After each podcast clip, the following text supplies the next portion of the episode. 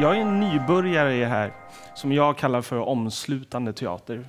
Nybörjare på det sättet att i fyra år så har jag jobbat med omslutande teater. Men för mig, jag kommer från vanliga teaterhållet. Jag regisserar och koreograferar. Det är det jag har gjort en mängd gånger. Och fick, eh, såg en del omslutande teater i Stockholm som jag tyckte var intressant. Men det var när jag var i New York och såg eh, eh, The, Sleep No More som jag för första gången fick liksom, en känsla av att det här vill jag utforska. När jag kom hem så fick jag möjligheten att få tillgång till ett hus. Och det var startskottet på det projektet som jag och Pyhus Wallin tillsammans med Andreas Blom drog igång som blev ett fyraårigt projekt. Jag tänkte jag har en film och sen så har jag massor med bilder. Jag tänkte att bilder säger så mycket mer. Så vi börjar med den här filmen så får ni en ingång i vad Satans trilogi är för någonting.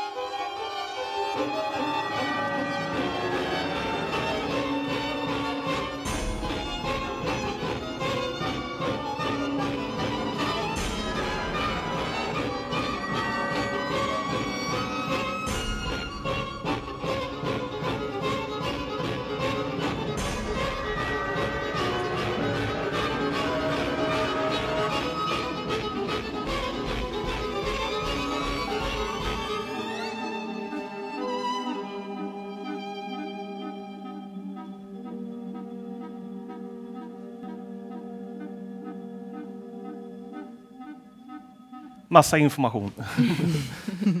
Men det började på något sätt med att eh, jag, fick, eh, jag berättade om den här upplevelsen jag hade haft med Sleep No More och jag var även och såg The Drowned Man i London, Punch Drunks andra produktion som de spelade samtidigt.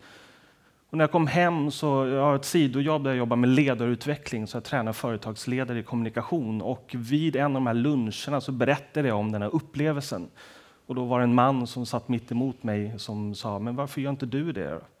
Och jag kände, ja men jag kan inte, jag, har inte, jag är en egen människa, jag har inga teater bakom mig, jag är frilansare, var ska jag få pengar ifrån, var ska jag få ett hus ifrån? Och då sa han att jag har ett hus. Och du kan komma och hämta nyckeln om du vill. Vi ska riva om några år så att du kan få det. Så att, eh, då var det bara, okej, okay, vad ska jag göra? Så att då hade jag ehm, en månad när jag inte gjorde någonting, visste inte vad jag skulle göra. Jag hade liksom huset, men jag hade liksom ingenting annat. Och då skrev Py Husvallin då eh, på sin Facebook att hon skulle till London. Är det någonting jag borde se? Och då skrev jag, skrev jag att gå och se The Drowned Man, så sätter vi upp något liknande när du kommer hem. Och hon kom hem och sa, när börjar vi? Och det var den kraften jag behövde för att starta också, sätta igång. Innan det hade jag liksom bara tänkt på det själv. Men vi började söka pengar och vi började tänka storslaget. Vi hade ju fem våningsplan i det här huset, 5000 kvadratmeter. Eh, inga pengar såklart. Eh, satte upp lite, liksom, hur mycket pengar behöver vi? Vad är som drömmen? Okej, okay, men 12 miljoner, vi måste söka det. Det är det produktionen kommer kosta för vad vi vill göra, men det är såklart ingen vill ge så mycket pengar. Så att, eh, men jag hade ett tak på 1,4 miljoner. Det måste jag ha, för annars blir det som, ja, går vi in i väggen.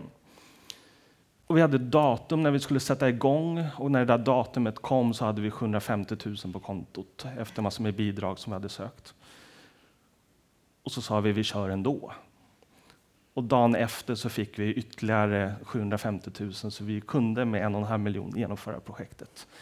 Satans eh, demokrati var första och när det här bildspelet slutar så kan du säga till för då har mina tio minuter gått. Men vi, eh, vi satte igång, vi gjorde Satans demokrati, eh, drog in massor med människor. Vi anställde ett gäng skådespelare, vi fixade teknik.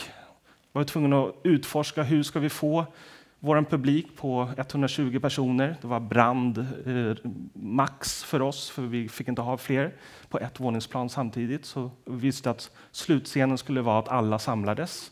Så att 120 personer max får vara inne i huset. Vi eh, satte igång med planeringen. Hur ska vi få skådespelarna att röra sig? Vi hade en idé om hur de kanske gjorde med Punch Drunk eftersom det var den stora inspirationskällan. Men eh, eh, vi satte igång ett eget system och gjorde det. Spelade Satans demokrati, fick jättemycket press som ni kommer märka här. Satsade ganska mycket pengar, jag tror någon siffra om ekonomi också kanske dyker upp här någon gång. Jag satsade ganska mycket på marknadsföring. Vi fick jättemycket press, vilket gjorde att vi sålde slut alla föreställningar. Publiken ville ha mer. Vi var fortfarande nyfikna på att testa mer. Skådespelarna ville fortfarande utforska vad vi höll på med. Så då valde vi att göra, inte en del till, utan vi gjorde två delar till. Satans delirium och Satans död.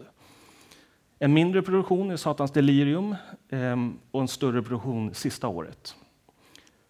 Det fjärde året så gav jag över ansvaret till konstnärerna. Eh, de var ju, vi var ju 600 personer första året. Vi var 400 personer andra året och vi var 500 tredje året.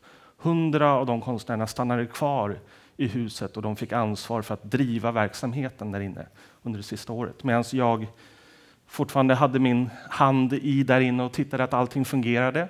Men eh, valde att eh, göra en annan, för mig omslutande produktion som heter Shop Eat Die. Och det kanske dyker upp lite här ibland. en blodig man kommer dyka upp också snart. Och den eh, eh, gjorde jag då också tillsammans med Atrium Ljungberg som var det fastighetsbolaget som jag hade fått tillgång till den här lokalen av. Och eh, det var typ ett Åhléns med rulltrappor och så i ett köpcenter. Och då är det såklart att jag vill göra Shop Eat Die i deras köpcenter. Och vi hade ingen skådespelare i den produktionen utan vi hade, en film, eh, vi hade filmat 100 stycken monologer som vi spelade på 70 stycken projektorer. Så publiken vandrade runt i en stor labyrint med massa monologer och sen så avslutades det med en gemensam middag runt ett långt bord. Så det var, det var de fyra åren och det är där som jag har fått jättemycket erfarenhet känner jag. Jag har lärt mig otroligt mycket. Visste ju inte hur man söker alkoholtillstånd innan, men det fick jag ju lära mig. Så det är massa sådana praktiska saker som har varit otroligt lärorikt för mig.